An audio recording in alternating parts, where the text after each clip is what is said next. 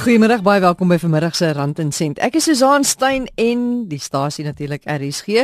Elke Sondagmiddag 5uur praat ons oor geldsaake of ons beantwoord jou vrae oor jou geldsaake. 'n Luisteraar het 'n brief geskryf. Hy sê Ons is klaar betaal aan ons huislening. Nou het ons 'n stewige bedragie per maand wat ons graag wil spaar want ons gaan dit nie mis nie want dit is altyd betaal aan ons huislening. Hy wil weet wat is die beste belegging of spaaropsie vir hierdie bedrag geld. Ons gaan nou kyk na sosiale media en hoe jy as entrepreneur of eienaar van 'n klein sakeonderneming dit kan gebruik om jouself te bemark. Maar ons begin met robotte. Ek sien 'n berig dat Singapore se gasvryheidsbedryf nou begin om robotte te gebruik om die werk van mense te begin oorneem. Hulle bring nou vir jou jou handdoekies en jou koffie en jou drankies en alles wat jou gaste hart begeer in sommige van die Singapore hotelle.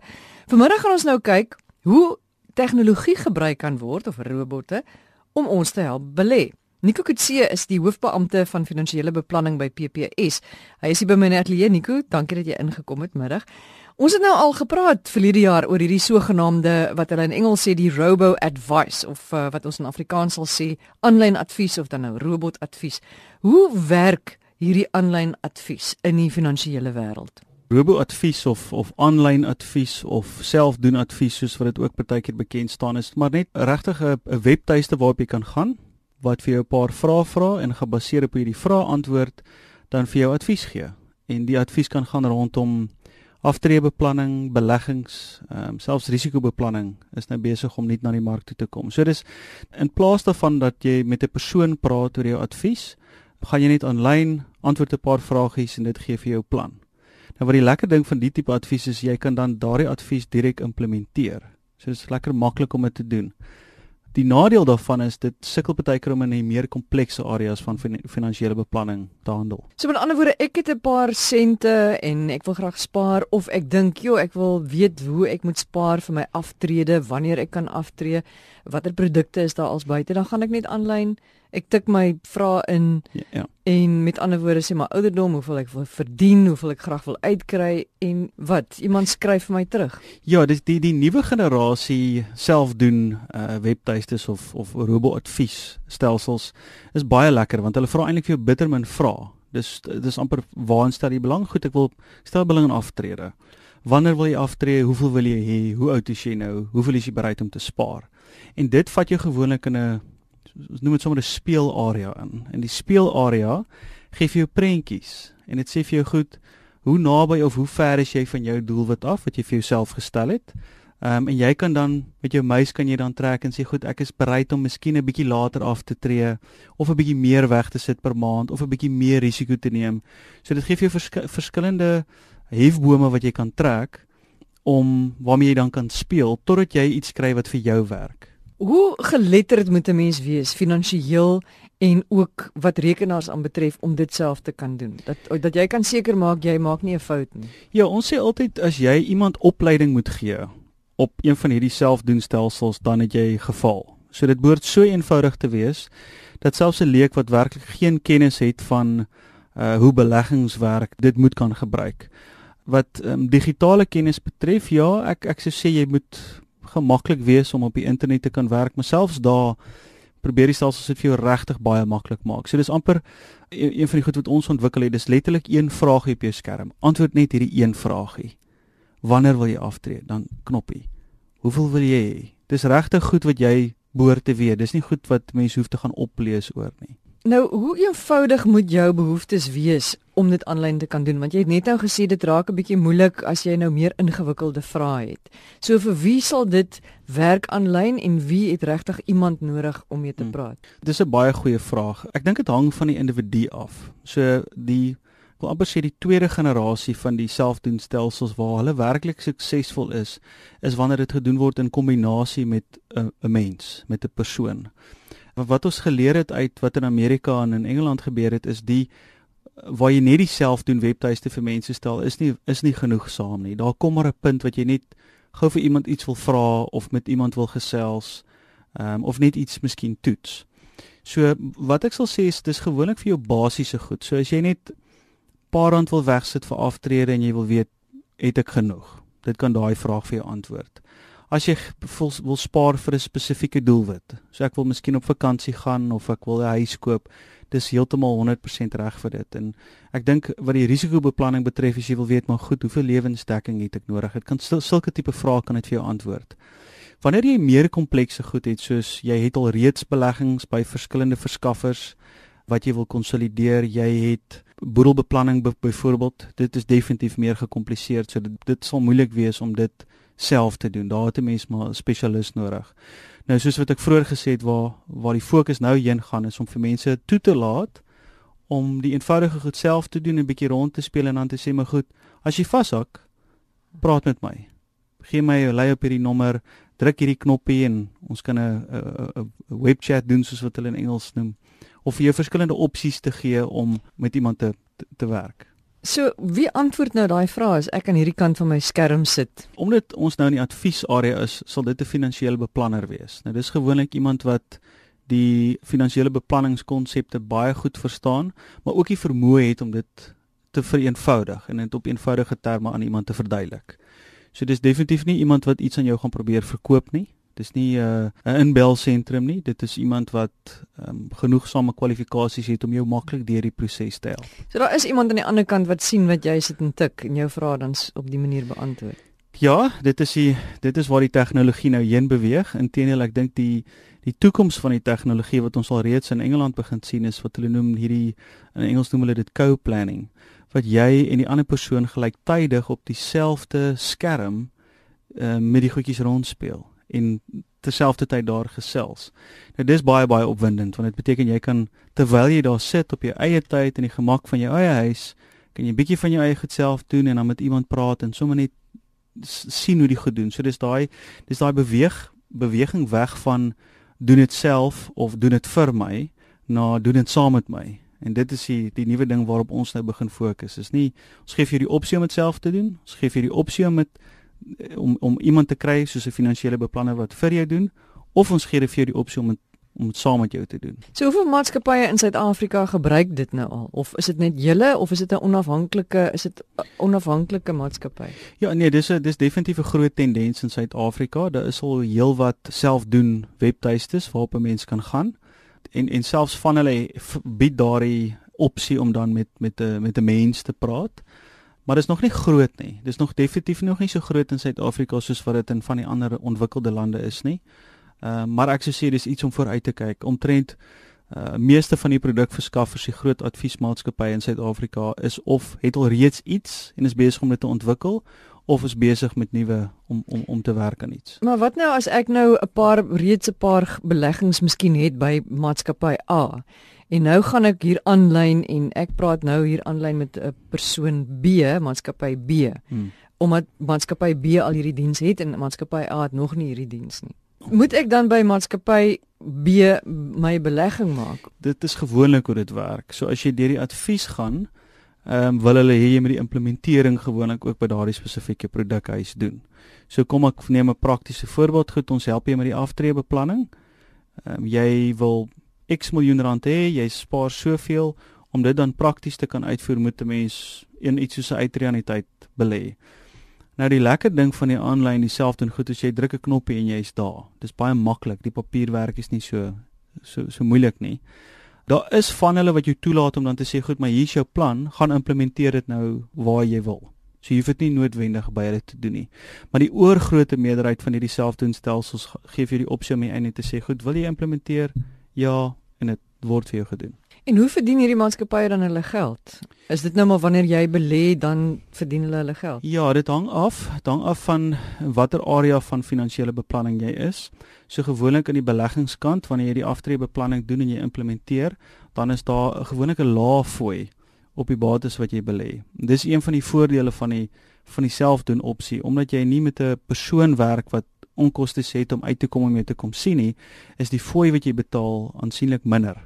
Maar soos ek vroeër gesê het, die fooi is minder want die vlak van advies wat jy kry is ook minder.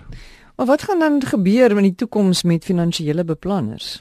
Ek dink daar's definitief nog steeds 'n groot behoefte aan finansiële beplanners. Jy kan al die navorsing kyk, die die sogenaamde vertroude adviseur of die trusted advisor soos wat hulle in Engels sê is is belangriker as wat dit ooit van tevore was. Maar ek dink wat wel gaan gebeur is is jou finansiële adviseur gaan die tegnologie moet begin gebruik om die uh, sy ware proposisie te verbeter. En waar kry 'n mens dit of mense wat meer wil uitvind waar gaan hulle heen? Jy kan gaan op, op Google kan 'n mens gaan kyk en jy kan insit Robo Advice en jy behoort 'n hele paar opsies daar te kry. Jy kan praat met jou huidige diens, diensverskaffer en vir hulle vra of hulle hulle al reeds hierdie dienste aanbied. Ehm um, dit word redelik bemarking, dit word redelik bemark in deesdae in Suid-Afrika ook. Ehm um, ja. Hmm, Nico, dit klink baie interessant. Baie dankie. Nico Kutse is die hoofbeampte finansiële beplanning by PPS. So gaan gerus krap daar op Google rond tik in Robo Advice en as jy enige vrae nog het, dan laat my weet. Die e-posadres is rsg@gmail.com. rsg@gmail.com en kry ons vir Nico in om ons vrae te beantwoord. Ons gaan nou nou kyk na sosiale media en hoe ons dit ten volle kan gebruik om klein sake ondernemings te bemark of ons as entrepreneurs te bemark. Maar kom ek lees gou-gou eers die luisteraars brief of die navraag wat 'n luisteraar aan ons gerig het. Hy sê ons gaan binnekort ons huislening klaar betaal. Ons het die fleksie huislening gehad waar addisionele fondse inbetaal kan word, maar ook beskikbaar is indien nodig. In plaas van om die huispaaiement nou in die algemene uitgawes te laat verdwyn, wil ons die bedrag maandeliks spaar. Is daar spaarplanne, beleggings met 'n goeie opbrengs wat dieselfde buigsaamheid het vir die beskikbaarheid van die fondse soos die fleksieverband wat werk met 'n vaste maandelikse deposito en waar addisionele fondse inbetaal en onttrek kan word soos nodig. By ons in die ateljee, Andrew Griesel, hy's van Proverty Wealth. Andrew, ek dink is baie slim van hulle om hierdie geld te wil spaar en dit nie net te gaan uitgee nie. Ja, nee, ek sê ek sê, you know, ek sê met jou saam soos aan. Ehm um, dit is presies die regte ding om te doen. Wat baie mense in soortgelyke situasies sou doen is om hulle huis te verkoop en die 11000 rand 'n maand by die paemente sit en nou 'n groter huis te koop. So wel gedaan vir hierdie luisteraar. Ek dink hulle is reeds op die regte pad. Die mees gepaste voertuig vir hulle doeleindes na my mening is gewone effekte trust. Dit voldoen aan al die vereistes wat hulle daar wat hulle daar stel. So jy kan maandeliks daaraan belê per debietorder. Jy kan ad hoc bydraes maak net soos wat jy wil. Ehm um, jy kan ad hoc onttrekkings maak net soos wat jy wil. Uh geld is binne uh, afhangende van op watter platform dit is, maar tussen 2 en 5 tot 6 werksdae is geld beskikbaar. Dit werk baie lekker, is amper maar soos 'n soos 'n spaarrekening by die bank, ehm um, wat jy kan geld insit en uithaal net soos jy wil. Maar met die addisionele voordeel dat jy darm beter groei op die langtermyn behoort te kan kry. Nou daar is nou alweer eens waar die uh, luisteraar net 'n keuse het om uit te oefen of met iemand moet gaan praat oor waarin moet daai onderliggende fondse belê word. Jy kan so konservatief wees soos om dit in die geldmark te gaan sit, dan gaan jy nou basies rente daarop kry van 6 of 7% of as die luisteraar 'n bietjie meer aptyd het vir risiko en vernaam ook omdat hulle maandeliks belê, kan jy 'n bietjie meer sogenaamde risiko neem of volatiliteit aanneem as ek dit sou kan stel eerder. Wat sou dit dan wees? Aan die mees konservatiewe kant kan jy mos nou in geldmark belê en aan die mees aggressiewe kant kan jy in suiwer aandele belê, buitelands of binnelands en iewers in die middel is gewoonlik waar meeste mense mm, dalk veiliger sal wees of veiliger sal voel en dis jou tipiese gebalanseerde tipe fonds waarvan meeste maatskappye een het. So meeste van die groot maatskappye het 'n gebalanseerde fonds waarin jy kan belê. Ehm um, of 'n kombinasie van die goed, maar jy weet dis dis 'n proses wat 'n ou dalk maar moet deurgaan om te bepaal hoe aggressief jy kan belê al dan nie. Ehm um, maar onthou as hulle gewoond was om hierdie 11000 rand 'n maand weg te sit en hulle het nie daarvan geleef en het dit nie nodig nie, dan sou ek geneig wees om te sê, jy weet, as jy nog 'n redelike tydjie oor het voor aftrede, kan jy maar bietjie meer aan die aggressiewe kant van die spektrum beweeg met jou met jou maandelikse belegging. Want omdat jy ook maandeliks belê, gaan die ops en die afs van die mark jou nie baie pla nie. Dit gaan 'n baie lang tyd wees voordat jy gaan begin oplet, ooh, die mark is af met 5 of 10% omdat jy maandeliks belê. Jy sit elke maand uh, 'n paar rand by.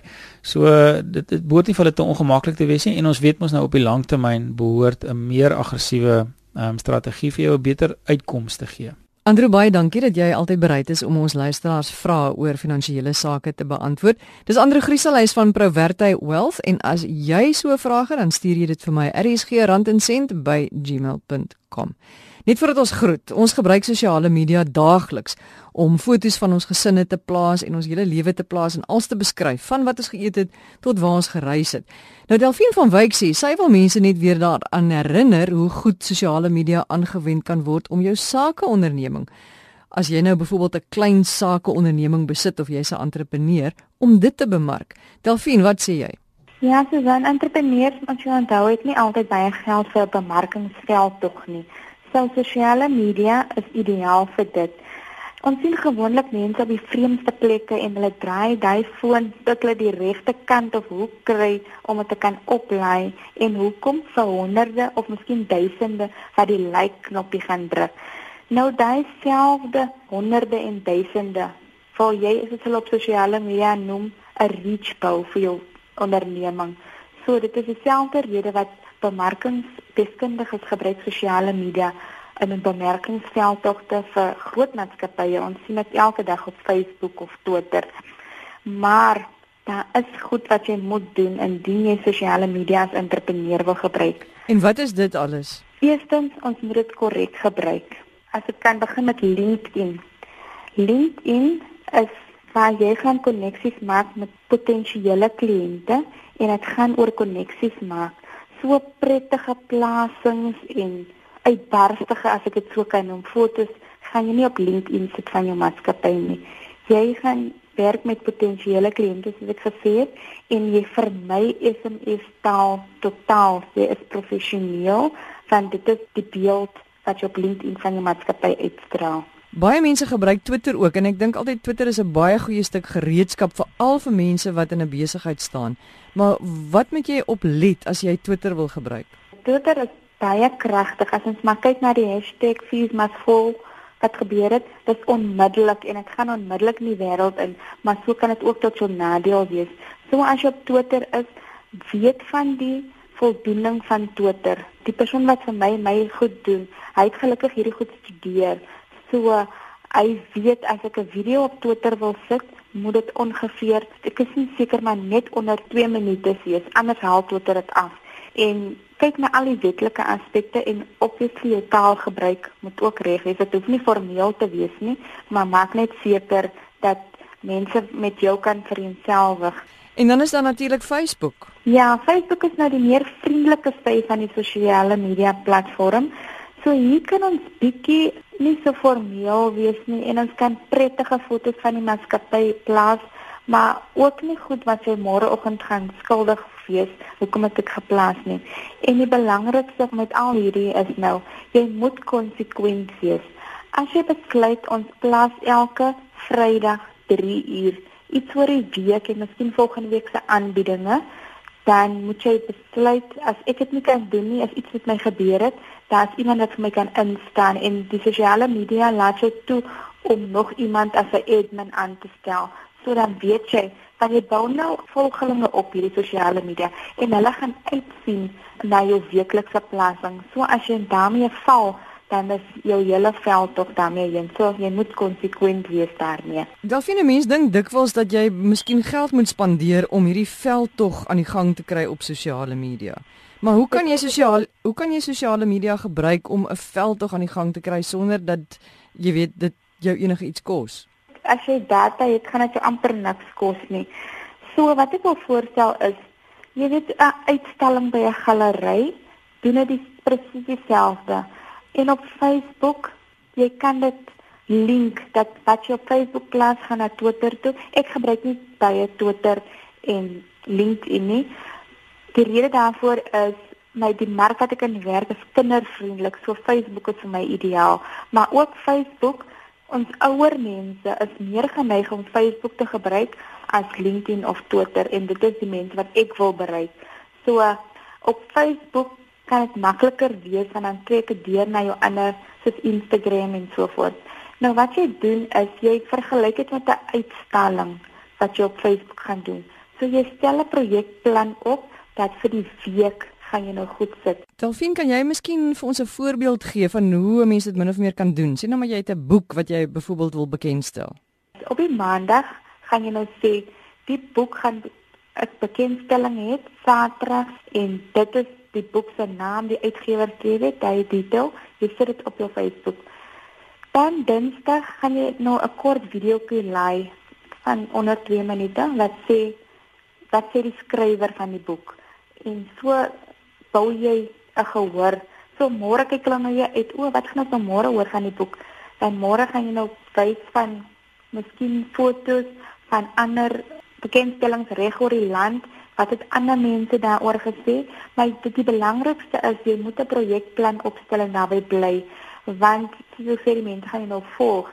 En op 'n donderdag dan kan jy nou sê almal wat nou na die bekendstelling wil kom kan kwalifiseer vir 10% afslag. Mense hou van afslag en dan moet hulle hierdie kodes aanbring so nou gaan jy weet hulle gaan dit share. So ander mense gaan ook na jou blad toe kom om te kom kyk vir al die populêre boeke wat geloods word. Maar jy kan dieselfde doen met 'n nuwe gadget, sê maar in jou winkel as jy nou gadgets verkoop of katuters soos op RSC sê. As jy byvoorbeeld 'n nuwe ding het en jy wil nou demonstreer hoe werk hierdie ding, maak vinnig 'n video van 2 minute en sit dit op en sê dit is wat ons nou het hierdie week, dit is op spesiale aanbod en dis hoe hy werk. En mense hou van sulke goed. Kyk maar op WhatsApp as mense dink iets is snaaks of oulik, veral animasie werk goed. Dan stuur hulle dit vinnig aan vir 'n ander persoon as hulle dink dis oulik of is intelligent gedoen. En die belangrikste vir sosiale media is mense reageer op prentjies. So maak seker dat dit mense gaan trek, dit kleurvol is en as dit multisensories kan wees, is dit 'n bonus. Delphine van Wyk, baie dankie. Sy is 'n uh, finansiële beplanner en sy help ook mense met finansiële bemagtiging. Ek vra 'n verskoning vir die klank wat nie so goed was nie, maar dit is tog 'n baie belangrike gesprek gewees. So as jy weer wil gaan luister, dan gaan jy na www.rsg.co.za, klik op potgooi en dan kan jy weer luister. Uh, jy soek net vir rand en sent in die soekveld. Luister weer of jy kan dit vir jou aflaai en in jou eie tyd rustig gaan luister. En dis 'n baie belangrike onderwerp hoe 'n mens sosiale media kan gebruik om jou onderneming te adverteer.